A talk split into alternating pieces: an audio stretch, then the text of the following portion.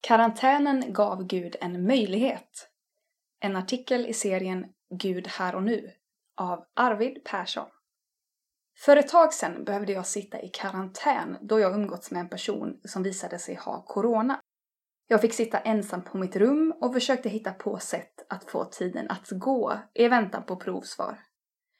Jag pratade med vänner, spelade spel och tog även tid till att be och vårda min relation med Gud.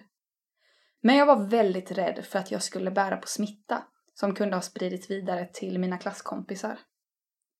Jag gillar att ha folk i min närhet och är en ganska otålig person, så att sitta ensam i karantän var påfrestande. Jag uttryckte min irritation och oro inför Gud och tyckte att tillvaron var jobbig. Men när jag satt där och bad i min tystnad upplevde jag plötsligt Guds närvaro väldigt starkt. Jag upplevde verkligen att stormen av känslor inom mig lugnades och det var som om Gud sa till mig Arvid, oroa dig inte.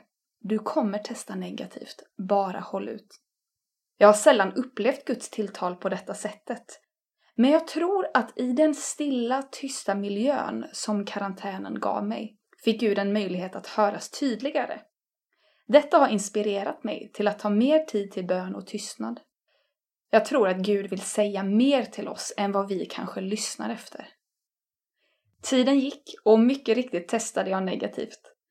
Och personen som jag hade umgåtts med är nu frisk. Halleluja!